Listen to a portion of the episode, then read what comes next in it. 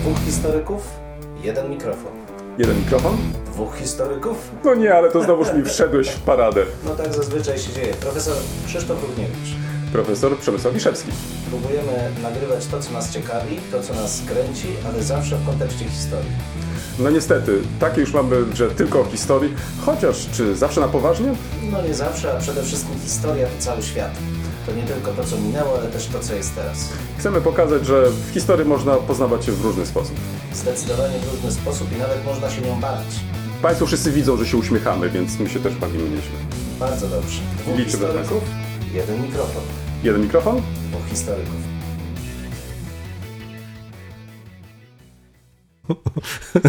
Trzy, cztery, proszę Państwa. Mm, Państwo nie słyszeli przed chwilą, zrobiliśmy próbę mikrofonu. Kolega tak mi krzyknął po niemiecku, że jeszcze dalej mi dźwięczy w uszach i nie wiem, czy Państwo dobrze mnie słyszą, czy kolegę za chwilę będą lepiej słyszeć niż mnie. Albo kolega jest w depresyjnym nastroju i chciałem go rozbawić i to się prawie udało, tylko trochę słuchu stracił. Wcale nie w depresyjnym, tylko w takim trochę, bym powiedział, mm, nastroju, bym powiedział, no nazwijmy to tak, no może refleksyjnym, o może tak. Dzisiaj poniedziałek, rano, stałem rano, no do końca się nie wyspałem, nie wiem nawet dlaczego. Właściwie nie mam powodu, żeby źle spać, ale jakoś tak wyszło.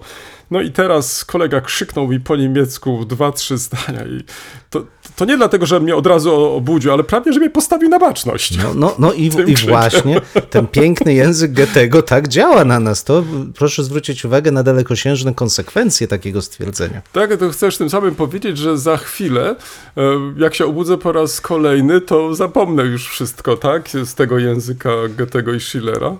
Nie, ja myślę, że wtedy staniesz i będziesz recytował co lepsze fragmenty. A oby, nie, obym nie musiał powtarzać to, co kolega przed chwilą tutaj O nie, tak e, o nie, wykrzyczał. O nie, nie, nie. No ale zobaczymy, życie jest piękne. Ja uważam, że trzeba się nim cieszyć. Proszę Państwa, kolejny odcinek, zaczynamy. Ale poczekaj, zanim zaczniemy, to chyba musimy wydać sygnał A dawaj, do przejścia. dawaj. O, tak. Nowinki, starowinki, kolego. Co też przygotowałeś na dzisiaj? A ja krótką taką, ale ciekawą. Proszę bo... Państwa, on po raz kolejny powtarza się, mówi krótko, ale poczekaj, Ale zaraz, mówię, zaraz, poczekaj, poczekaj. dotrzymuję Ale słowa. wiesz co, ale zaraz, zaraz. Zanim przejdziesz, to ja muszę Państwa wszystkich e, przeprosić. E, W pierwszej kolejności kolegę, ale także i Państwa, bo wprowadziłem Was w błąd. Przyznaję się do tego błędu. Kolega widzi, że posypuje się popiołem, e, już włosienicę mam Ja- e, jakby z ubraną i wrócił, prawie, że nie, i posypany. prawie się udaje już do kanosy, ale dopiero po nagraniu naszego odcinka. Za krótkie spodnie ma, bo tam zimno jednak. No dobrze, no, ale właśnie o to chodzi, mam się umartwiać. No, Mm. no więc e, pomyliłem tutaj Stafa z Leśmianem. Ale nie O, wiem, czy tutaj Bóg jest to poezji weźmie srogą pożyczenia, czy no, inaczej i wybaczenia, czy też nie. Ale w każdym razie chcę się poprawić. Nie, proszę Państwa, e, chodziło o Bolesława Leśmiana, a nie e, naszego innego poetę Stafa. Tak więc bardzo przepraszam, e, że wprowadziłem w błąd, ale nasze audycje też polegają na tym i te rozmowy, że od czasu do czasu możemy się mylić, czy nie. Albowiem erdare humanum est. Dziękuję. Kolega, jak widzicie Państwo, zawsze znajdzie poza niemieckim właściwą, właściwe, właściwe wytłumaczenie i z tego też powodu Państwo pewnie też słuchacie tych wypowiedzi kolegi. Ale już dobrze, przechodzimy do nowinek, starowinek. Lepiej się nie zagłębiać, Tak, proszę bo on Państwa. tutaj chciał krótko, ale w, w, no, w, jak No dobrze, Ale no. ja, powiedział, ja tylko chcę to podkreślić, bo kolega cały czas mówi, że on tylko krótka gada później pół godziny. No dobrze, Wcale, ale, że nie. Dobrze, Ca- do- do- dobrze, mhm, no dobrze. dobrze, dobrze, No to- dobrze. no to krótko, Oddaję mu tu już państwa. głos, tak. Okej. e, Bieganów, taka wieś i wypowiedź e, pani e, Marii Grzesik dotycząca parcelacji ziemi. Z, Tak, z- tak, z- proszę Państwa, tak, tak, tak. A, to widzisz, za chwilę będę też o tym mówił. Ach, Wypowiedź o tyle ciekawa, że no, tak jakby w, pamiętając nasze zajęcia ze szkoły podstawowej czy średniej, widzimy tą, ten okres 45, właściwie początek 46, czyli okres rozdziału ziemi obszarniczej na ziemiach em, PRL, jako taki bardzo entuzjastyczny udział wszystkich tych, którzy mogli uzyskać ziemię w różnych miejscach różnych osób, bo w, generalnie tych, którzy posiadali powyżej 50 hektarów, tak z grubsza na to patrząc. Mm, Ale nie zawsze tak było. I taki fragment wypowiedzi właśnie dotyczącej mm, Bieganowa i majątku Niny Morstin. Bo takie gospodarze nie chcieli brać, bo od pani hrabiny to przecież szkoda. Pani hrabina była, to było. Nikt nie przewidział, że pani hrabina już nie przyjdzie, nie? To może przejdzie front i będzie tak, jak było. A było inaczej. Przyszły inne rządy, inne prawa. Szkoda było, żeby jej zabrać pola. A co ja bym miał, jakby to do mnie przyszedł i zabrał moje pole? Tak współczule, ale jak pole dali, to już musieli. Każdy obsiał, a na zimę było obsiane, to pobrali te działki. I proszę Państwa, jest to kapitalny moim zdaniem e, fragment, bo pokazuje z jednej strony o, taką e, wiarę w e, hmm, ważność pewnych stosunków społecznych, umów społecznych, e, pewnych norm życia, ale z drugiej strony ten wymiar taki czysto życiowy. No, no nie, nie, nie wypadało brać cudzej własności, no bo jednak to była cudza własność. Ale z drugiej strony, jak czas płynął, a dawali, a działki były obsiane, no to brali i moralność trochę się kurczyła. I tyle z mojej strony. Dzisiaj było krótko. Ale to faktycznie bardzo krótko, wręcz to taki bym określił, e, nawet taki kurzgalop, także przez, przez e, Specjalnie dla ciebie. tak. Proszę Państwa, e, to mam nadzieję, że Państwa nie rozczaruje i moja nowinka, starowinka również będzie krótka. Przy czym muszę na początku zaznaczyć, powiedziałem wcześniej, że bije się w piersi Kajam, tak? Kajam, tak. Natomiast o, kolega ziewa już, e, tak, to ja go muszę No bo on się zawsze obudzić. kaja, to ja Tak, już ziewam tak. z tego kajania. No dobrze. W każdym razie w ubiegłym tygodniu w, otrzymałem od niego prezent, ale to taki był prezent wiązany, bo jeden z kolegów e, przekazał mu ten prezent, a on mi przekazał go dalej. Ale to nie chodzi o to, że prezent był tak kiepski, że stał się takim prezentem przechodnim, jak to czasami nie, wręcz bywa. odwrotnie. To znaczy, myślę, że to dla każdego historyka jest to bardzo ciekawy prezent. Mianowicie otrzymałem pracę magisterską i nie byle jaką. E, I też e, e, osoby, która jest bardzo znana, chociaż jeżeli Państwo sięgną do Wikipedii, a właśnie przed sobą mam odpowiedni artykuł Wikipedii o tej osobie, to czytamy, że urodziła się w 919, zmarła w 2007 roku. Co jest ważne, w Tel Awiwie funkcjonariusz aparatu bezpieczeństwa PRL oskarżony o zbrodnie przeciwko ludzkości. Na razie nie powiem, e, kto to był, bo to chyba nie jest e, na razie takie istotne. E, Co jest dla mnie tutaj ciekawe, że osoba, która mm, była komendantem obozu Zgoda po II wojnie światowej w Świętochłowicach, no i jest e, oskarżana, czy była oskarżana, bo przecież nie żyje już, o zbrodnie przeciwko ludzkości. W latach 60. na naszym e, uniwersytecie napisała pracę magisterską. I podam Państwu tytuł tej pracy magisterskiej, mianowicie mm, Praca więźniów i jej znaczenie. Em, Praca, e, praca obroniona w 1964 roku składa się e, z ilu? Z e, sześciu rozdziałów. Ja przeczytam może tylko główne mm, rozdziały. Historyczny zarys kształtowania się koncepcji i funkcji pracy więźniów. Praca więźniów w ustawodawstwie i polityce polskiej okresu międzywojennego. Dalej. Praca więźniów w ustawodawstwie i polityce polskiej Rzeczpospolitej Ludowej. Zatrudnienie więźniów według praktyki zakładów karnych województwa katowickiego. I dalej y, zatrudnienie, praca więźniów według projektów, pra, y, projektów praca penitencjarnego. To chyba coś tutaj się pomylono. No i mamy rozważania końcowe.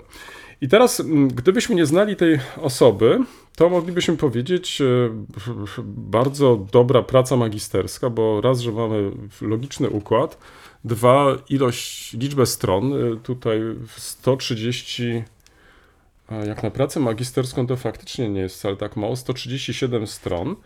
I e, jest, e, jeszcze raz przypomnę, rok 64 i pozwolę sobie przeczytać jeden mały fragment, e, jeżeli chodzi o wykorzystanie źródeł, a praca była mm, pisana na Wydziale Prawa naszej uczelni. Mm, otóż Autor żali się, że mm, nie miał dostępu do materiałów archiwalnych za pierwsze dziesięciolecie po 1945 roku, dlatego co musiał zrobić? Musiał e, przeprowadzić ustne relacje e, z funkcjonariuszami służby więziennej. Czyli coś, coś byśmy nazwali oral history, czyli w lata 60., proszę bardzo, już wtedy y, można było takie wywiady przeprowadzić, by pozyskać mm, e, źródła. Dlaczego o tym wspominam? Wspominam o tym z dwóch powodów. Po pierwsze, jest takie pytanie, które Tobie też e, chciałbym e, zadać, bo być może tym się jakoś e, wcześniej interesowałeś. Jak to jest, że właśnie na naszych uczelniach, ja nie myślę tutaj o tylko naszym uniwersytecie, ale generalnie na naszych uczelniach, były możliwe takie prace, to znaczy, lub też prace takich osób, które było wiadomo, że są osobami kontrowersyjnymi, które no dzisiaj określamy jako zbrodniarzy i takie prace są. No i co z takimi pracami, co z takimi osobami robić? Przypomnę tylko, że mm, kilka lat temu debatowaliśmy na temat em, innego problemu, który dotyczył naszego uniwersytetu. Chodziło o odbieranie tytułów, tytułów naukowych przez nazistów osobom uznanym za niegodnych tego. Tu przede wszystkim chodziło o absolwentów żydowskiego pochodzenia, którzy na, y, w uczelni niemieckiej uzyskali stopnie naukowe. W praktyce to oznaczało, że odebranie tych e, tytułów, stopni w chwili, kiedy te osoby mm, mm, ratowały się emigracją i chciały na emigracji rozpocząć e, nowe życie, że ten start miały bardzo utrudniony, ponieważ e, władze niemieckie zadbały o to, ażeby w kraju docelowym czy w kraju osiedlenia mm, utrudnić, jak to jest tylko możliwe, e, nostryfikację takich e, tytułów. Więc to jest pytanie takie generalne, które, które sobie zadałem. Czy także i my nie powinniśmy pod takim kątem zastanowić się, co z tym zrobić? To znaczy, czy też e, nie powinniśmy zastanowić się, jak to było na uczelniach wyższych? e, Jak e, obchodzić się z takimi osobami, z takimi pracami? To jest pierwsza taka uwaga. I druga taka drobna uwaga, ponieważ nie bez powodu mm, wspomniałem też o mm, artykule Wikipedii. Otóż, gdy mm, wczytasz się w biogram naszego bohatera, to się okaże, że nie obronił on na Uniwersytecie Wrocławskim, tylko na Uniwersytecie Warszawskim. E, To tak tylko na marginesie, w- ponieważ jestem wikipedystą, od razu poprawiłem ten artykuł, że jeśli w, w osoby w, akceptujące te zmiany będą chciały dowodów, to chętnie im prześlę. Mimo, że, i co jest też ciekawe, powołują się na bardzo ciekawy artykuł Adama Dziuroka w, pod tytułem 23 lata, 6 miesięcy i 22 dni a to już niech padnie to nazwisko, Salomona Morela. Artykuł, który ukazał się w Biuletynie Instytutu Pamięci Narodowej w 2004 roku. Link oczywiście do tego artykułu mm, w opisie do naszego podcastu. I teraz, mm, dlaczego to mnie trochę zaskoczyło? Bo z jednej strony, mm, oczywiście zajrzałem od razu do artykułu i chciałem sprawdzić, czy tu autor może się pomylił. Nie, autor napisał poprawnie, tylko osoba, która w, w, przygotowywała to hasło, no, zamieniła no, Uniwersytet Wrocławski na Warszawski. Ja nie wiem, czy to jest dobry znak, ale to już zostawmy to, bo to ja rozumiem, że wszystkie rzeczy, jakie powstają, może, albo zróbmy to tak, albo wszystkie złe rzeczy, które powstają, powstają na Uniwersytecie Warszawskim, bo tak to można byłoby ewentualnie zinterpretować, ale to oczywiście są żarty, proszę Państwa, to, to, to jest jakiś tam margines marginesów. Natomiast nie zmienia to postaci rzeczy, że także i tutaj powinniśmy bardzo ostro, być bardzo ostrożni, jeżeli korzystamy także z tych źródeł, które dotąd traktowaliśmy jako mm, stosunkowo rzetelne. No, tym bardziej, że tylko przypomnę, że nie mamy często już e, innych leksykonów, do których moglibyśmy zajrzeć. Myślę tutaj o tych tradycyjnych wydaniach encyklopedii. A biorąc pod uwagę, że mm, wspomniany artykuł Adama Dziuroka powstał w 2004 roku, a Salomon Morel zmarł w 2007, no to dla nas e, taką e, faktycznie em, podstawową informacją dzisiaj jest właśnie to hasło e, Wikipedii. Także mm, podsumuję to w ten sposób. To pytanie, jak obchodzimy się na uniwersytetach. Dwa, m, podchodzić krytycznie do tekstów publikowanych w Wikipedii, a jeśli to jest możliwe, korygować je, bo przecież na tym polega pomysł na, na Wikipedię, że tą Wikipedię nie tworzą konkretne osoby, tylko my jako czytelnicy, użytkownicy i mm, dzięki temu faktycznie te informacje, które będziemy czytać, e, będą em, no, nie tylko sprawdzone, skorygowane, ale też e, mm, nie będziemy mieli wątpliwości co do ich, e, e, co do ich trafności. No, zdecydowanie tak. Taka jest idea też e, Wikipedii, że ona może być wiarygodnym źródłem tylko wtedy, jeżeli rzeczywiście jest krzyżowo kontrolowana Mm, przez samych mm. użytkowników. To oczywiście rodzi różne w- problemy, bo, bo ten crowdworking jest em, no, narażony na konsekwencje różnych populizmów, mód i tego typu rzeczy, ale ten przykład pokazuje, że właśnie jest w tym jednak duża szansa na otrzymanie sprawdzonej e, informacji, zwłaszcza, że jak zwróć, słusznie zwróciłeś uwagę, czasy encyklopedii tych klasycznych może wrócą, ale w, wydaje mi się to mało realne w najbliższym, e, w najbliższym czasie. Natomiast ten pierwszy bardzo istotny problem, jak traktujemy nasze dziedzictwo, no bo to w zasadzie tego dotyczy.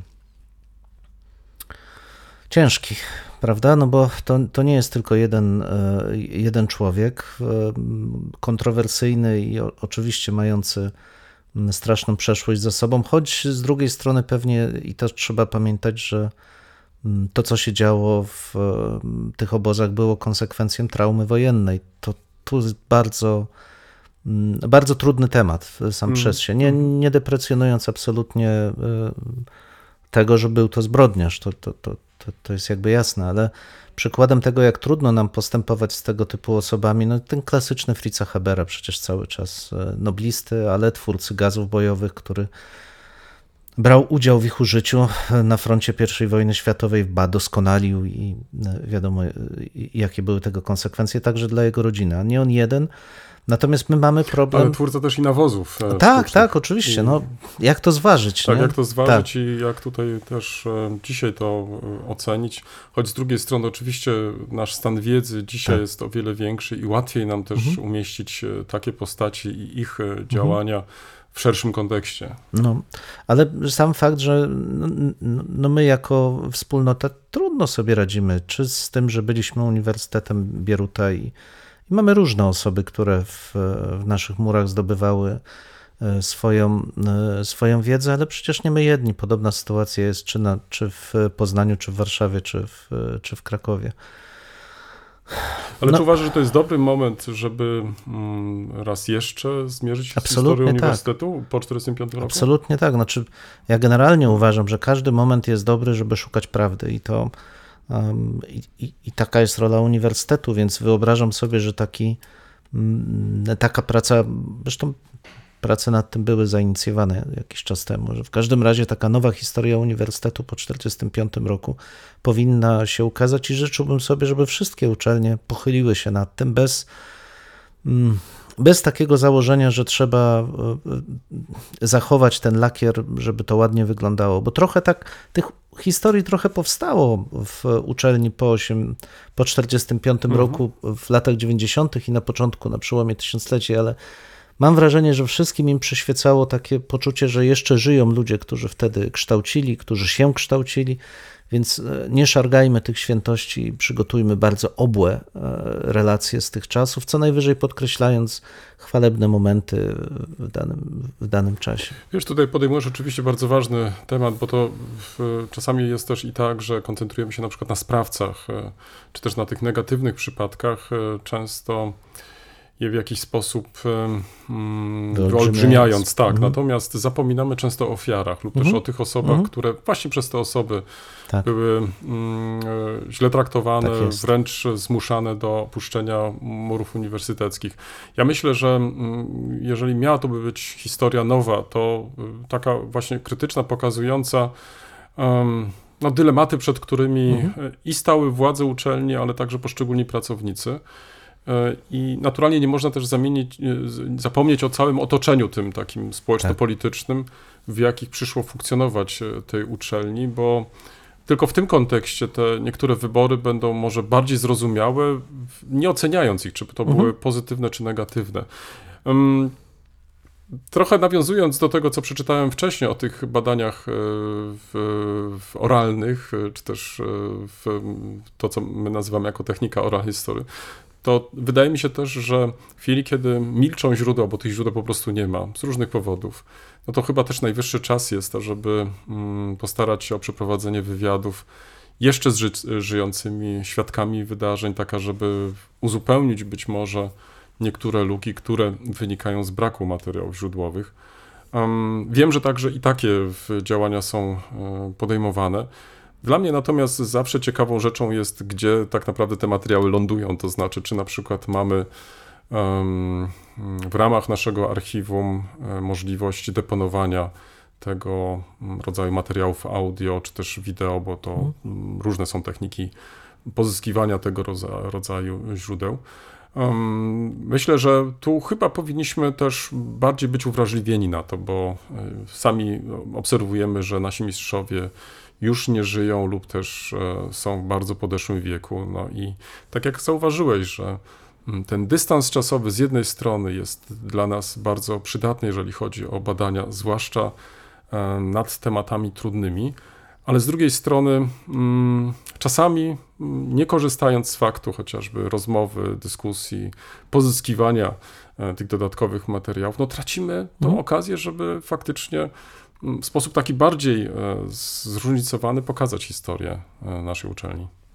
Absolutnie tak. Zresztą tu mieliśmy okazję, kiedy w, mm, przygotowywaliśmy mm, z taką specjalną mm, nagrodę dla, nagrodę, właściwie upamiętnienie dla osób, które brały udział w ruchu demokratycznym w czasach PRL-u, to rzeczywiście y, zderzyliśmy się już wtedy z lukami. No, część osób po prostu odeszła, już, już ich nie ma.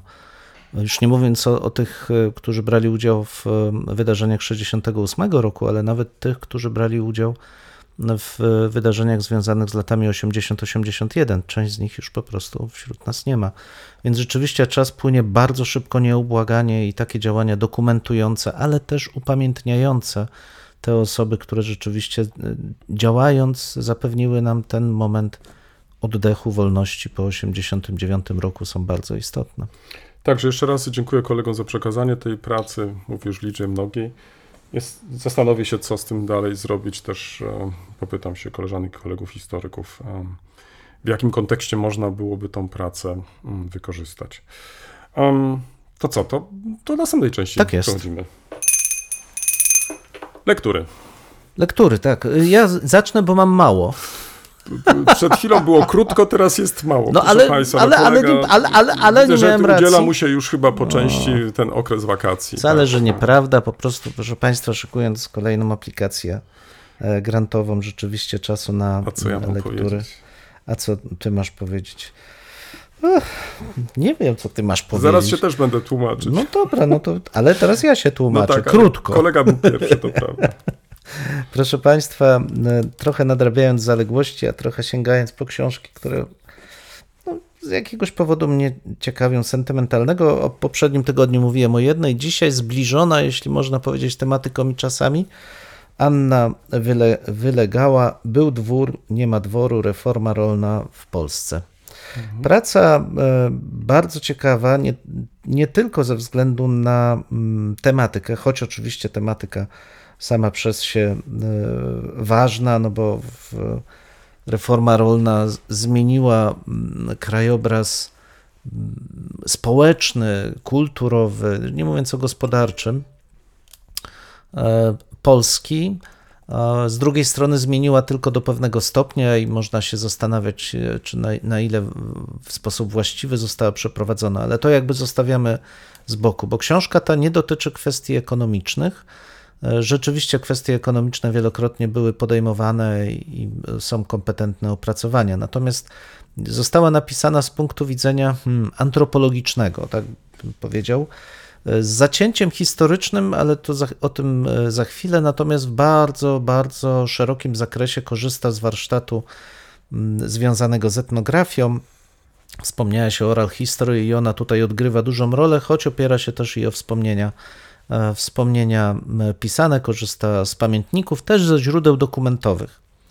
I jej celem jest przedstawienie raczej klimatu, jaki w ówczesnych wsiach, głównie skupionych wokół em, Kielc, tego obszaru e, Polski, ma, pogranicza Małopolski, Polski centralnej, w, pokazać, autorka chciała pokazać, w jaki sposób chłopi reagowali zarówno na sam fakt dokonania parcelacji, ale też potem, co działo się z tą ziemią, z tą kulturą, w jaki sposób dwór, który był, ale już go nie było, oddziaływał na funkcjonowanie tej, tej wsi. I sposób podejścia gwarantuje nam niezwykłą podróż, bo zanurzamy się rzeczywiście w świat refleksji osób, które najczęściej, choć skupione są na horyzoncie swojej wsi, to jednak starają się umieścić w nieco szerszej perspektywie te zmiany. Czy to jest perspektywa chronologiczna, gdzie starają się pokazać jakby ten, ten proces w kategorii pewnej sprawiedliwości bądź niesprawiedliwości, czy to w perspektywie takiej hmm, ustrojowo-gospodarczo-geograficznej, pokazując skutki, znaczenie tych, tych przemian dla, dla, całego, dla całego kraju, czy wręcz dla całej cywilizacji, no, patrząc to marksistowsko na te zjawiska. Nie ulega wątpliwości, że jest to jedna z nielicznych takich możliwości zanurzenia się właśnie w tym najbardziej podstawowym wymiarze historii. Tak jak mówię, mam zastrzeżenia do, czy nie mówiłem, ale co do warsztatu historycznego mam pewne zastrzeżenia, bo rzeczywiście autorka ma taką tendencję zupełnie zrozumiałą, kiedy korzysta się ze źródeł takich narracyjnych, pierwszoosobowych. Znaczy, one są tak fascynujące, że człowiek chce pokazać je, tylko potem pojawia się pytanie, no ale co z tego wynika? To znaczy, co wynika z zacytowania obszernej relacji?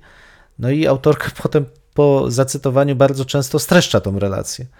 Tylko, że to z punktu widzenia historyka jest no, po pierwsze męczące, po drugie nic nie wnosi. Znaczy, samo um, opowiedzenie swoimi słowami cytatu, który był wcześniej, jest zabiegiem takim um, niewiele przynoszącym i w gruncie rzeczy im dłużej czyta się tą książkę, tym bardziej ma się wrażenie, że autorka rzeczywiście została przytłoczona materiałem źródłowym. To znaczy brakuje ujęcia takiego syntetyzującego, w zasadzie są, są to pogrupowane według tematów obszerne relacje źródłowe.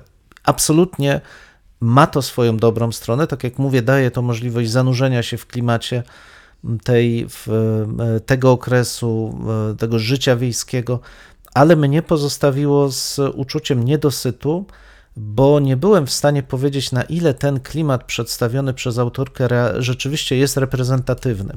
Znaczy, na ile te procesy, które ona odkryła na tej, na, w tych wsiach, które, które badała, faktycznie są dobrze osadzone w całym horyzoncie, przynajmniej tej Polski środkowej, bo zadałem sobie pytanie, no dobrze, ale jak to mogłoby wyglądać w miejscowościach, na przykład w Poznańskim, nie mówiąc już o ziemiach zachodnich, bo to jest zupełnie inna sytuacja, troszkę lepiej um, opracowana. No i wreszcie, i to jest chyba podstawowa rzecz, właściwie zabrakło mi kompletnie odniesienia do horyzontu poza Polską. No, reforma rolna była zjawiskiem powszechnym w krajach tak zwanej demokracji ludowej i pytanie, jak przebiegała i z jakimi emocjami stykała się poza, poza naszym krajem.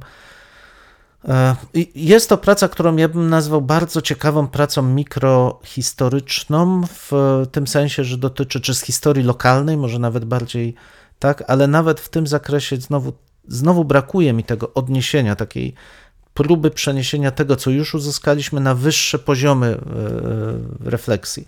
Tym niemniej bardzo doceniam, jeszcze raz to chciałem mocno podkreślić, bardzo doceniam i wybór tematyki i podejście, to właśnie to antropologiczne, dające nam nowe mm, e, nowe przestrzenie no, do, do wyobraźni historycznej, do rozwijania naszej wiedzy. Z tym całym zastrzeżeniem, które w mniejszym stopniu chyba odnosi się do autorki, bo przecież to wymaga też i w, em, pewnego stanu literatury, i, i pewnej, em, pewnego klimatu badawczego, który nie zawsze jest w stanie unieść autor. On musi towarzyszyć autorowi środowisku, w którym on e, funkcjonuje. Bardzo serdecznie polecam e, tą książkę ze wszystkimi e, drobnymi w gruncie rzeczy za, zastrzeżeniami. Jeśli ktoś chce poznać ten świat, no, który przeminął, a z drugiej strony, który oddziaływał przynajmniej jeszcze na moje pokolenie, właśnie wsi poparcelacyjnej, z tym dworem e, często zrujnowanym, czasami będącym siedzibą SHR-u, POM-u, czy czegokolwiek e, jeszcze tam władza nasza sobie nie e, wymyśliła, z zarośniętymi stawami i zapuszczonymi e, parkami. Jeśli ktoś chce wrócić troszkę do korzeni tego czasu i do tego klimatu, to naprawdę serdecznie zapraszam. Tu zwróciłeś uwagę faktycznie na dwa problemy, które mm, często się przewijają. I tutaj mm, z jednej strony oczywiście bardzo ładnie to tłumaczy, że, że to może być mm, pewna nieporadność, może też e, trochę przytłoczenie źródłami, ale z drugiej strony myślę, że mimo wszystko oczekujemy od e, osób, które korzystają z tego rodzaju źródeł, że będą je syntetyzować, to znaczy w tym sensie, że raczej będą traktować te fragmenty, które chcą przytoczyć jako ilustracje, Natomiast nie będą już później powtarzać, relacjonując e, te źródła, bo, bo to trochę się mija jednak mimo wszystko z celem. Ale jeszcze na drugą rzecz zwróciłeś bardzo ważną uwagę, bo to nie jest chyba tak, i tutaj myślę, że możesz mnie poprawić, ale także i Państwo, że mm, takich studiów komparatystycznych, jak wyglądała e, sprawa reformy rolnej po 1945 roku w różnych państwach Europy Środkowo-Wschodniej, to takich opracowań e, nie ma. Pamiętam z jakimi trudnościami Małgosia, czyli moja żona, mm, zaproszona przez e, tutaj koleżanki, kolegów z Niemiec do mm, przedstawienia tematu dotyczącego przemian na Białorusi po 1945 roku na wsi. E, Jednocześnie została poproszona, czy nie mogłaby przedstawić e, podczas tej samej konferencji, oczywiście w osobnym tekście, także te główne założenia polskiej reformy rolnej i tego, w jaki sposób ona została zrealizowana. I w rozmowie z nią em, okazało się, że przygotowując się do tych różnych mm, tekstów, ta literatura jest bardzo zróżnicowana, natomiast brak nadal jest takich całościowych e, opracowań i to nie dotyczy tylko polskiej historiografii, to dotyczy także innych historiografii, więc może takie PS do tego, co powiedziałeś, że atmosfera to jedno, ale z drugiej strony to też może takie uwrażliwienie na te tematy porównawcze, czyli mm, odejście od tych, od tych mikrostudiów, by spojrzeć niejako z lotu ptaka na takie czy inne właśnie kwestie, ale w ujęciu e, porównawczym, bo tylko wtedy będziemy mogli lepiej poznać takie czy inne fenomeny związane mm, z tą problematyką, lub też wskazać elementy wspólne, które, Tak, to, to, to, wiesz, które, ja które nie różniły. cały e, czas walczę z państwa. tym, żeby patrzeć na, że, że patrzy się na tą historiografię, czy lokalną, czy regionalną, właśnie przez pryzmat mm, tylko odniesienia do danego da, fragmentu przestrzeni geograficznej, z, wyjdzie, z wycięciem wszystkich innych mm, punktów odniesienia, w, które powinny się tam znaleźć. Każda z tych jednostek funkcjonuje w bardzo złożonej sieci relacji z jednostkami wyższego i niższego rzędu. I jeżeli to ma być e, realna praca z zakresu historii, czy regionalnej, czy lokalnej, to nie może ona tylko opisywać wyodrębnionego fragmentu dziejów na wyodrębnionej przestrzeni, bo coś takiego nie istnieje. E, Ona powinna skupić się na tym, ale po to, żeby wyjść szerzej, wyżej, dalej. I, no i mówię, to, ale to znowu to wymaga zupełnie innego e, spojrzenia. Może dopiero przed tym jesteśmy, bo w, bardzo często, jak sam wiesz, te gonią terminy, gonią różne rzeczy i te prace powstają, bo muszą powstać w określonym czasie. Niekoniecznie jest to skuteczne. Mm, mm. Moje lektury miały różny charakter. Pod koniec tygodnia w Niemczech e, doszło do bardzo ciekawej e, dyskusji, która także pojawiła się w Polsce. Mianowicie punktem wyjścia były była wypowiedź e, ukraińskiego ambasadora w Berlinie na temat roli i znaczenia bandery. I tutaj trzeba przyznać, że podjęcie tematów historycznych przez ambasadora chyba nie było zbyt e, właściwe. Mm, Już kilka dobrych tygodni temu dyskutowaliśmy nad tym, czy w kontekście wojny w Ukrainie jest sens e, mm, podejmować trudne tematy w tak szczególnym momencie, to znaczy takie, które no, budzą emocje, są bardzo, bym powiedział, e, złożone i w kontekście takich wypowiedzi polityków, no, w takich kategoriach traktuję trochę też i wypowiedź e, pana ambasadora. Mm, no, tutaj em, nie są, nie są w żaden sposób konstruktywne i dlatego cieszę się bardzo, że mm, miałem też okazję przeczytać e, w, bardzo w, tutaj taki mm, treściowy wywiad z, z jednym ze specjalistów, e, biografem Stepana Bandery, e, Grzegorzem Rosolińskim-Libe. Ten wywiad e, wszystkim Państwu polecam. Bardzo zróżnicowany, bardzo wyważony i, i taki pozbawiony emocji, pokazujący dla czytelnika niemieckiego, em, dlaczego tak trudno jest w Niemczech dyskutować o Banderze. To, to nie jest takie oczywiste. To znaczy, o ile w Polsce nie mamy z tym większych, większych problemów, o tyle w Niemczech tak. I tutaj autor stara się tłumaczyć dlaczego. Wspominam o tym wywiadzie, to tylko może już dla porządku przytoczę. mm, Berliner Zeitung forscher zu Stepan Bandera. Er war ein Faschist, ideologisch ähnelt er Adolf Hitler. Badacz o Stepanie Banderze był faszystą, ideologicznie przypominał Adolfa Hitlera. Wspominam o tym wywiadzie też i dlatego, y, bo mm, tak jak wcześniej wspomniałem, y, Grzegorz Rosoliński-Libe jest autorem bardzo obszernej biografii Bandera, Bandery, która moim zdaniem trochę przeszła y, bez echa. Pod tytułem Stepan Bandera, faszyzm, ludobójstwo, kult, życie i mit ukraińskiego nacjonalisty.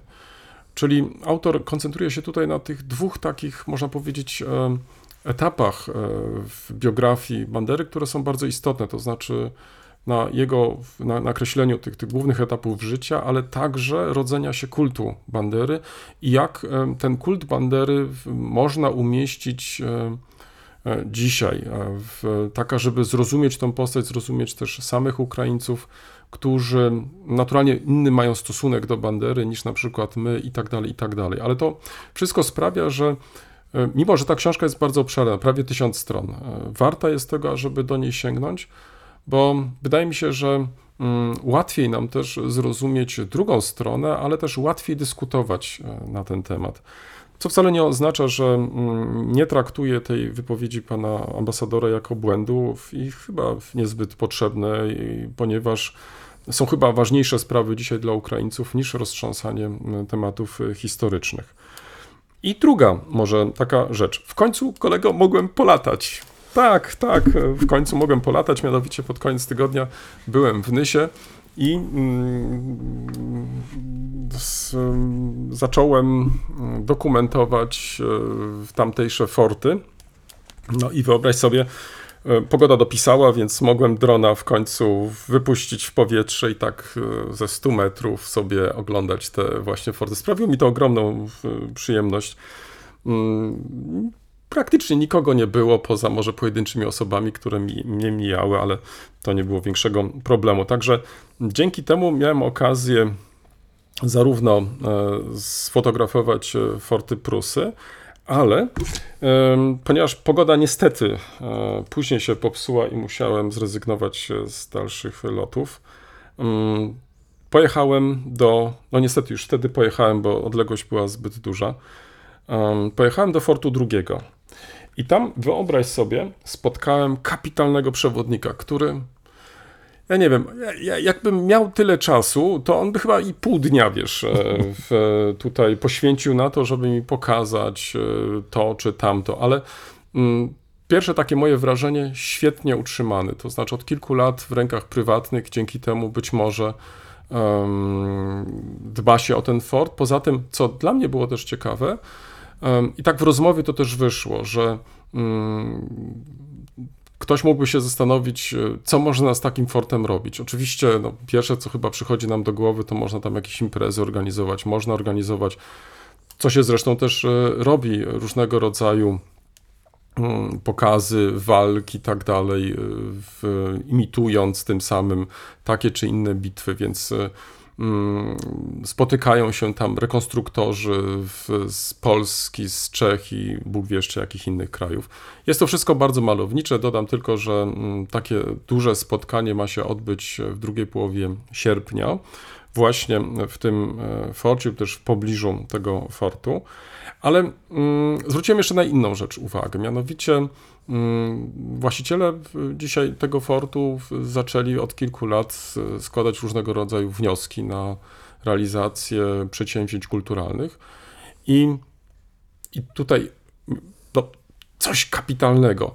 E, Stworzono na przykład e, takie, takie pomieszczenie na warsztaty dla dzieci z garncarstwa, z możliwością nie tylko e, robienia różnego rodzaju przedmiotów z gliny na kole garncarskim, ale także równocześnie z możliwością wypieku. Czyli masz piękny piec, gdzie możesz po Wypalenia. prostu wypiekać. E, Nie, oczywiście wypalenia, no, poprawiam się, no, bo za tydzień znów będę musiał przepraszać, więc masz rację.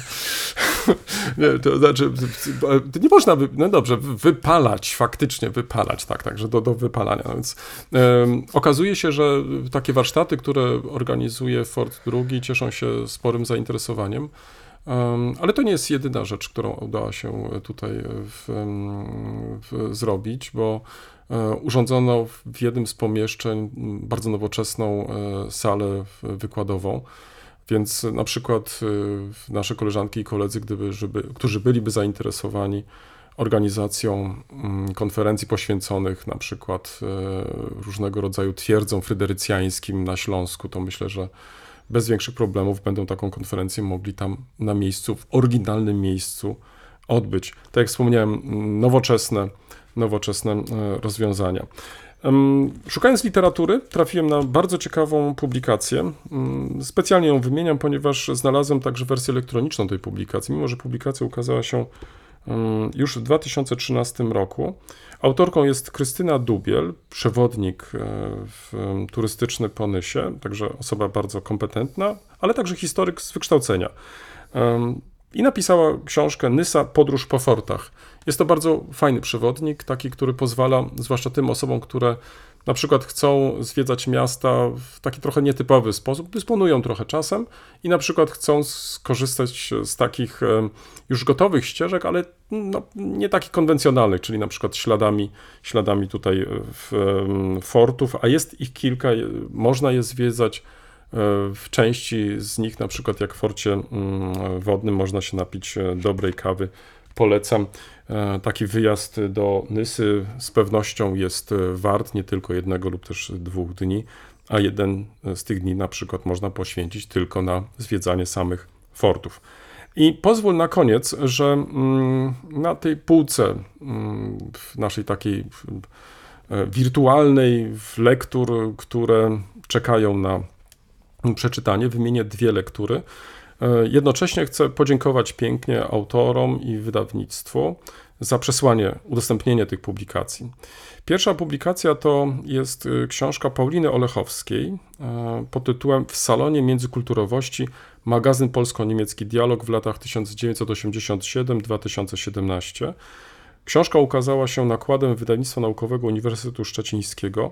Muszę przyznać, że w, z ciekawością e, postanowiłem sięgnąć do tej publikacji, tym bardziej tutaj znów czytelnicy czy słuchacze mogą mnie poprawić, że jest to pierwsza tak obszerna monografia tego czasopisma, e, które, jakby nie patrzeć, e, wychodząc od lat 80., jest ważnym takim pośrednikiem między Polską a Niemcami. Do tego podejmuje często tematy w kontekście europejskim, więc e, można wręcz nawet powiedzieć, że mm, jest takim ważnym medium, które pozwala nam mm, z różnych punktów widzenia zaznajomić się z, właśnie z tą wcześniej wspomnianą przeze mnie problematyką.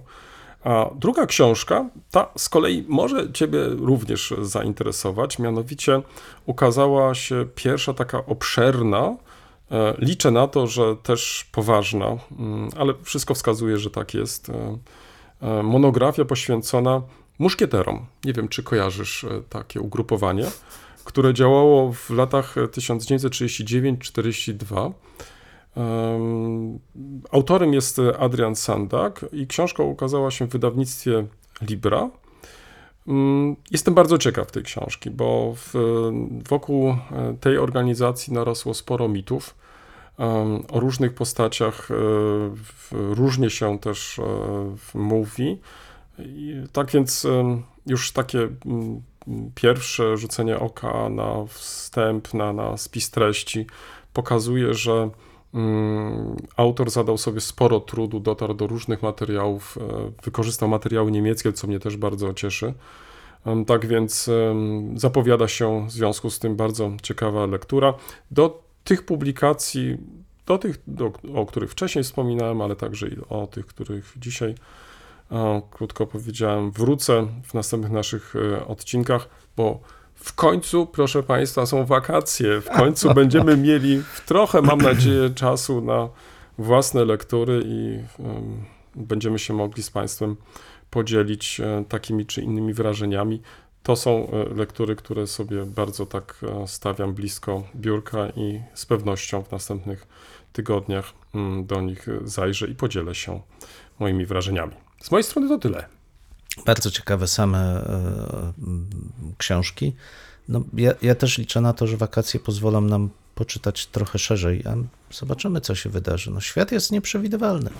No i to jest, słuchaj, najgorsze, bo y, pod koniec tygodnia planowałem coś innego, wszystko mi zostało wywrócone do góry nogami. Oj, byłeś w Nysie, pomyśl. Ale nie tylko było. w Nysie, ale później musiałem jeden wniosek pisać prawie że na kolanie, bo terminy gonią i w ogóle.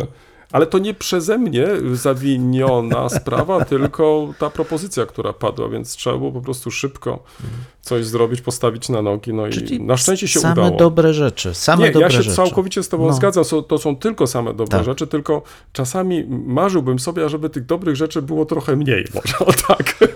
Nie masz, bo się spełni. No dobrze, okej, no niech ci będzie. To znaczy, chcesz powiedzieć, że nuda gorsza. Oj, zdecydowanie, zdecydowanie. Dobrze. Dobra, przechodzimy teraz, e, proszę Państwa. Ach, dobra, nie powinienem tak mówić, bo to w ogóle jest takie no, nieładne. Dobrze, to w takim, to dobrze będzie chyba lepiej brzmiało. To przechodzimy do głównego tematu naszej rozmowy, ale oddaję znów e, w koledze głos, bo to on tutaj takie miał właśnie różne przemyślenia i dajmy mu szansę, niech się podzieli najpierw e, tymi swoimi przemyślami i przemyśleniami, żeby można było się później do tego ustosunkować. Proszę Państwa, tak e, troszkę w, e, moja lektura przewrotnie na to wskazywała, bo była i o gospodarce, i o moralności. A dzisiaj chcemy rozmawiać o morzu. No i pytanie, jak to się, jak Za to się chwilę się łączy. jeszcze dowiemy, że kolega chce tutaj o rybołówstwie nam coś więcej A opowiedzieć. oczywiście, że tak. Rybołówstwo jest bardzo ważnym elementem Jako część morskości. gospodarki, był. tak, jako o- część no, gospodarki, no, tak. No, ale mówiąc poważnie, e, faktycznie zastanawialiśmy się na kanwie wypowiedzi jednego z polityków, który postanowił e, przywrócić e, e, Polsk, morze Polsce, a Polskę wybrzeżu. Jakoś, jakoś tak. No, za, zafrapowało nas to wyrażenie. Ono rzeczywiście występuje tam w takim bogatym kontekście gospodarczym, ale mnie zafrapowało przede wszystkim z punktu widzenia historii, jak wielką rolę odgrywa dostęp do morza w dziejach, czy do oceanu, w dziejach e, takich i zmitologizowanych, i tych realnych e, wspólnot ludzkich, bo jeśli spojrzymy opowieści, na opowieści o historii Polski, no to zwróćmy uwagę, jak wielką rolę w zasadzie nie, no nie tylko w historii e, tej po 45 roku, Od ale i wcześniej. czasów Tak. chyba, tak. Jak spojrzymy nawet na Galeononima, to tam mamy te, te ryby pluskające słynne. Odgrywa tęsknota za morzem i takie podkreślenie znaczenia, jakim jest uzyskanie dostępu do morza. Ta fraza dostęp do morza jest przecież wykorzystywana na wiele e, sposobów. No i pytanie, z, jakby z czego, e, z czego to wynika. Nie wiem, czy Państwo e, przypominają sobie, że nawet Czechy chciały mieć dostęp do morza. Ba, co więcej, miały swoje wydzielone e, nabrzeże portowe, w Szczecinie chyba, w Szczecinie albo w Świnoujściu, już nie pamiętam. Miały kilka statków pod banderą czeską pły, pływających. Ekon, czy ekonomicznie to było w, wskazane, nie, nie chciałbym o tym dyskutować. Czas pokazał, że może niekoniecznie, ale było elementem jakiejś dumy. No, proszę Państwa, budowanie tego mitu morskiego, zaślubiny z morzem, pierwsze statki, decyzja o budowie e, portu w Gdyni w momencie, kiedy Gdańsk stawał się coraz bardziej dyskusyjną e, przestrzenią dla rozwijania gospodarki e, polskiej. Potem wielokrotnie powtarzane odzyskanie kilometrów polskiego nabrzeża i to podkreślanie, jak wielką rolę odegrały te kilometry polskiego e, nabrzeża. Tu, tu tych elementów w, po 45 czy na, po 18 roku moglibyśmy sobie mnożyć, ale nie zapominajmy, że jest to rzecz dużo głębsza, bo przecież e, już pomijając właśnie tego naszego Gala Anonima i jego opis walk o Pomorze i odzyskanie, odzyskanie, podbicie terenów przylegających do e, Morza Bałtyckiego, co doprowadziło zresztą do takiego utożsamienia, że właściwie Pomorze zawsze było polskie, że tam zawsze mieszkali Polacy. No, ten krzywousty, który e, w zasadzie to, co on robił, to on odzyskiwał Pomorze, natomiast mało kto zwraca uwagę, że tam żyli ludzie, którzy mieli własny organizm państwowy, własne władze, mieli własną, e, własny porządek religijno-społeczny i to, co w, na początku XII czy na przełomie XI i XII wieku się dokonało, bo to już Herman rozpoczął, to był podbój, realny podbój Pomorza przez Polaków, a następnie próba asymilacji tej ludności w ramię nowego organizmu państwowego. Próba, która się nie powiodła przynajmniej w tej części zachodniej, bo tam stosunkowo szybko odtworzyły się, odtworzyły się własne organizacje państwowe, zdominowane potem przez kulturę, przez kulturę niemiecką.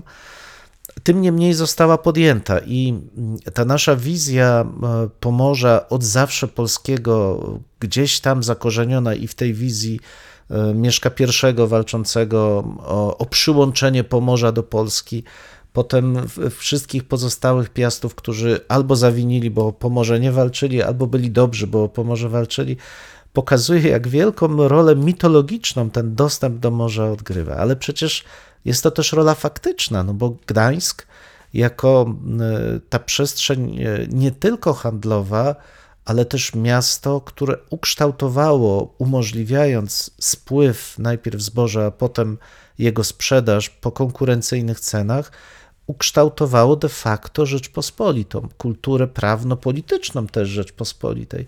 To jest wynik między innymi tego dostępu do morza.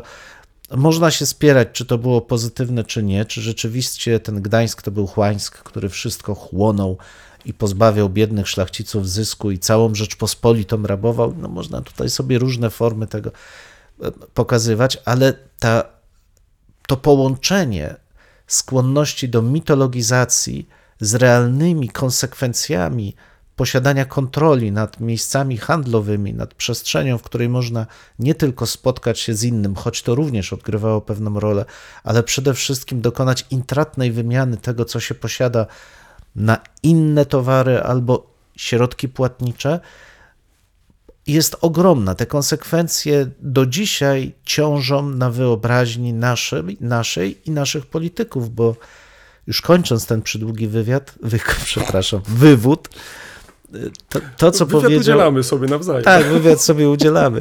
To, co powiedział ten polityk z punktu widzenia e, ekonomicznego było kompletnie bezsensowne, bo stwierdzenie, że upadek wielkiej floty PRL-u jest czymś, co należałoby odwrócić i, i przywrócić tą flotę. No, proszę Państwa, to, że większość statków pływa pod banderą Panamy, nie wynika z tego, że Panama jest świetnym krajem, w którym wszyscy armatorzy chcą inwestować, tylko dlatego, że żeby przepłynąć przesmyk panamski, trzeba zapłacić ogromne pieniądze i dużo bardziej opłaca się zarejestrować statek w Panamie czy linię morską w Panamie, za co dostaje się określoną zniżkę za przepłynięcie przesmyku. I podobnie ma się z innymi tymi rajami morskimi, które dają określone korzyści ekonomiczne i naprawdę pod banderami narodowymi pływają w zasadzie okręty wojenne.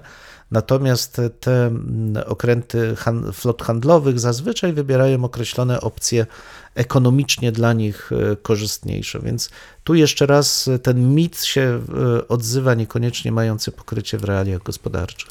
Tutaj oczywiście zwracasz uwagę na, na dwa takie główne bloki, to znaczy z jednej strony rola i znaczenie morza w historii. Tutaj to w jaki sposób morze niejednokrotnie kształtowało poszczególne organizmy, no, organizmy państwowe, narody itd., itd. Ale też zwróciłeś uwagę na tą taką mitotwórczą rolę morza i to w jaki sposób mm, także i dzisiaj próbuje się do tych mitów nawiązać.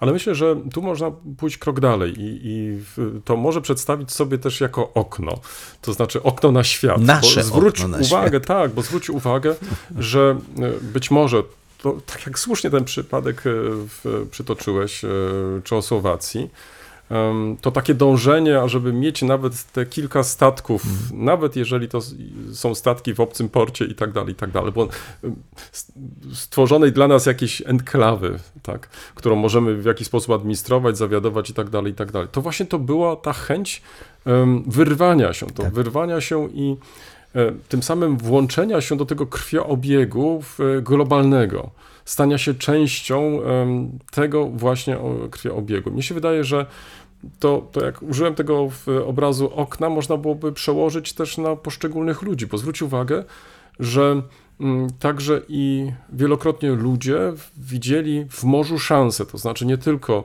zarobienia, e, bo to tylko nieliczni mogli zrobić, ale mm, dzięki morzu mogli się dostać do innych części świata, czyli od em, mm, wypraw wikingów e, poprzez e, odkrycia geograficzne, to te, te inne kontynenty, także poprzez ułatwienia, jakie wtedy dokonywano, te inne kontynenty stawały się dla nas bardziej dostępne. Mogliśmy e, z tymi kontynentami też wiązać nasze nadzieje, których nie mogliśmy na miejscu spełnić, więc to może mogło być dla nas właśnie taką ogromną szansą, tą taką nadzieją, ale może poprzez to, że jest nieprzewidywalne, że jest żywiołem, no było też zawsze czymś tajemniczym.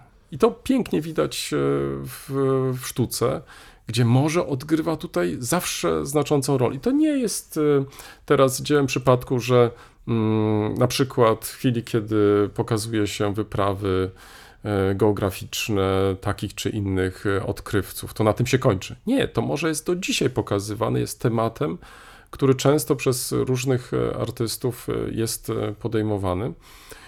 I myślę, że rozpatrując ten temat, m, można na to morze spojrzeć z różnych punktów widzenia i em, nie wiem, czy jesteśmy w stanie wskazać jeden jakiś taki leitmotyw tego wszystkiego.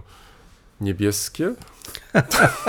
Szare? No nie wiem, to trudno powiedzieć, bo, bo każdy z tych elementów się będzie jakoś składać na to nasze wyobrażenie o ty, tym morzu i to, jak to morze chcemy postrzegać.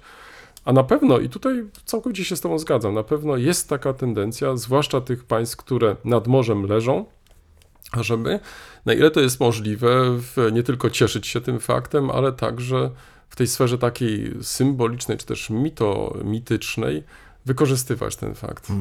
Znaczy wiesz, ja patrząc na to nasze morze, czy podejście do morza, mam jednak wrażenie, że Polska ma takie e, kolonialne trochę podejście do tego obszaru, czy do, do tego problemu. Dlaczego? Bo jeśli spojrzysz na e, tą refleksję polską nad morzem, to to, co mnie uderza, to że w zasadzie w polskiej kulturze nie ma, no, mo- mogę się mylić, ale ja sobie nie przypominam, takiego właśnie podejścia mm, baśniowego do morza. Morze nie jest przedmiotem opowieści o przygodach, o, mm, o czarodziejskich stworach, o syrenach, Morze jest albo miejscem, morze i pomorze jest miejscem, o które się walczy, które się zdobywa, na którym toczy się em, jakieś boje, z którego ciągnie się korzyści. A może dlatego, że to jest takie wewnętrzne morze i ono tak nie bardzo może być No bez przesady, takim Szwedzi też mają wewnętrzne morze. punktem jakoś wyjścia do jakichś takich inaczej. właśnie rozważań. No, Zupełnie tak. inaczej ich wyobraźnia Ale funkcjonuje. to może dlatego, że faktycznie cały czas o to, ten dostęp do morza, o to morze musieliśmy walczyć. No. No, ale właśnie zobacz, że, no tak, tak, oczywiście, no i to, do tego właśnie zmierzam, że nie wypracowaliśmy podejścia do, e, do morza jako e, z jednej strony rzeczy, która ma mm, hmm, swoje własne życie, znaczy jest e, czymś e, przyjaznym, może być groźnym, ale jednak funkcjonuje ja- jako pewien byt, który no jest od nas niezależny. Znaczy ja mam wrażenie, że w tej wyobraźni, w ogóle w tej wyobraźni polskiej morze funkcjonuje słabo, funkcjonuje owszem, po morze i to ten tylko wąski pas z plażami Mm. oraz porty. E, Tak naprawdę zauważ, jak e, myślę, że dla wielu, dla mnie też było odkryciem, że jednak Kaszuby to jest niesamowicie piękny, bogaty, kulturowo wspaniały, mm, e, wspaniały krajobraz, przestrzeń, ludzie, historia, kultura. Ja mam wrażenie, że nawet więc, większy, większa grupa Polaków kojarzy Śląski, Ślązaków. Jak kojarzy, tak kojarzy, bo tutaj mam og- ogromną masę zastrzeżeń, ale kojarzy. Natomiast określenie Kaszubi może im się kojarzyć co najwyżej z Donaldem Tuskiem i to i niewiele więcej. Pomimo, że jest to przecież no, niesamowicie skomplikowana Ale historia. pytanie, czy chcemy poznawać e, historię tych krain? To znaczy, czy O tym e, właśnie e, ta narracja narodowa o morzu, w, e, to, że jesteśmy krajem nadmorskim, to, że walczyliśmy o to morze, że musieliśmy go cały czas bronić i tak dalej, i tak dalej. Czyli to faktycznie powoduje, że my przeskakujemy to, co się dzieje wokół tego morza i, i nie jesteśmy może za bardzo zainteresowani, bo tak jak powiedziałeś, no albo walczymy, albo jesteśmy na plaży i smażymy się. No, i, ale właśnie do tego zmierzam. To jest ta narracja kolonialna, to znaczy jest jakieś centrum, które to centrum ma swoje peryferie, które musi od siebie uzależnić i skonsumować. Znaczy ze Śląska wywozi się węgiel i basta, nie? Co tam jest dalej, to na Pomorzu Duża się... dziura powstaje. Tak jest. Na Pomorzu się smaży, tak jak powiedziałeś, e, oraz skorzysta się z portu w Gdańsku, w Szczecinie, no i ewentualnie w Kołobrzegu.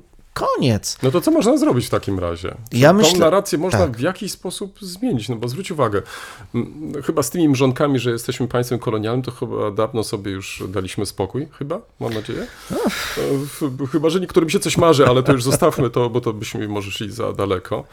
E, Ten, ten przekop Mierzei Mhm. Wiślanej to chyba może takim jest też przypadkiem, E, ale to też nie będę już komentować, bo to różne opowieści już krążą, czy można przepłynąć, czy nie można jachtem i tak dalej, ale to już zostawmy to.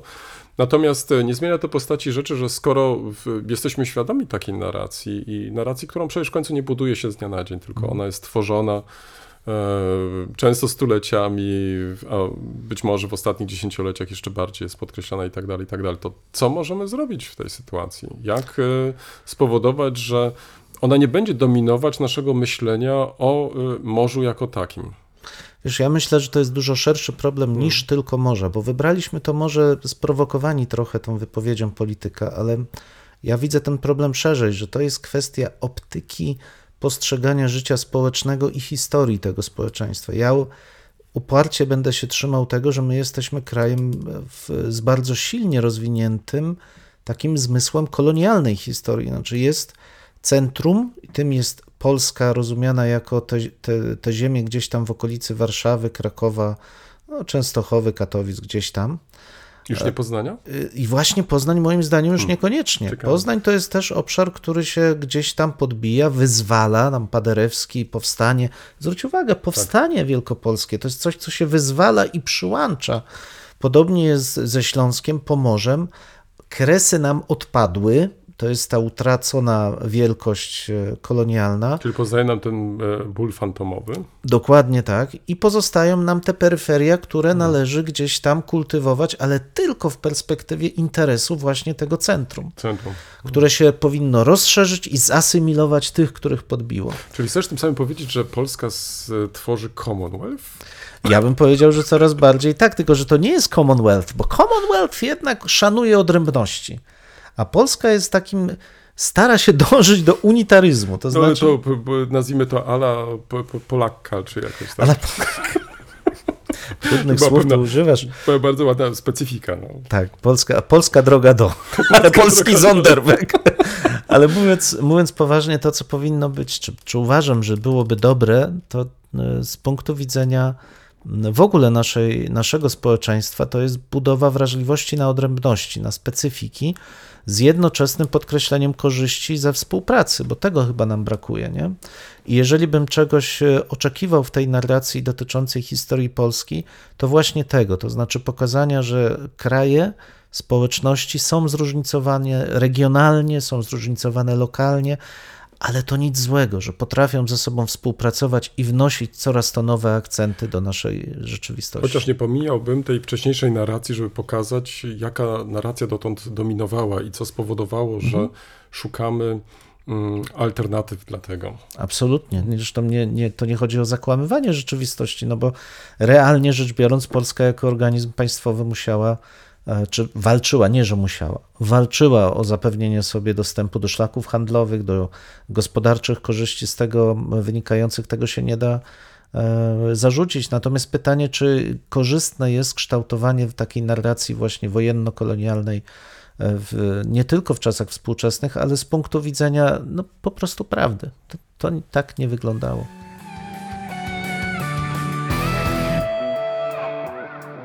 W tym miejscu stawiamy kropkę lub też jak kto woli, kropkę na nim. No, mamy nadzieję, że to nie jest koniec, że to jest początek Waszych dyskusji. Mam nadzieję, że Was zaciekawi. Prosimy o komentowanie naszych em, zmagań z historią. Poniżej zdjęcia jest wystarczająco dużo miejsca. I pamiętajcie, nie regulujcie odbiorników. No, my naprawdę tak brzmimy. E, tak, chociaż być może czasami e, może trzeba ściszyć. No może czasami ten nasz rechot by się przydało wyciąć nawet. Dwóch historyków, Jeden mikrofon jeden mikrofon. po historii. Dziękujemy. Dziękuję.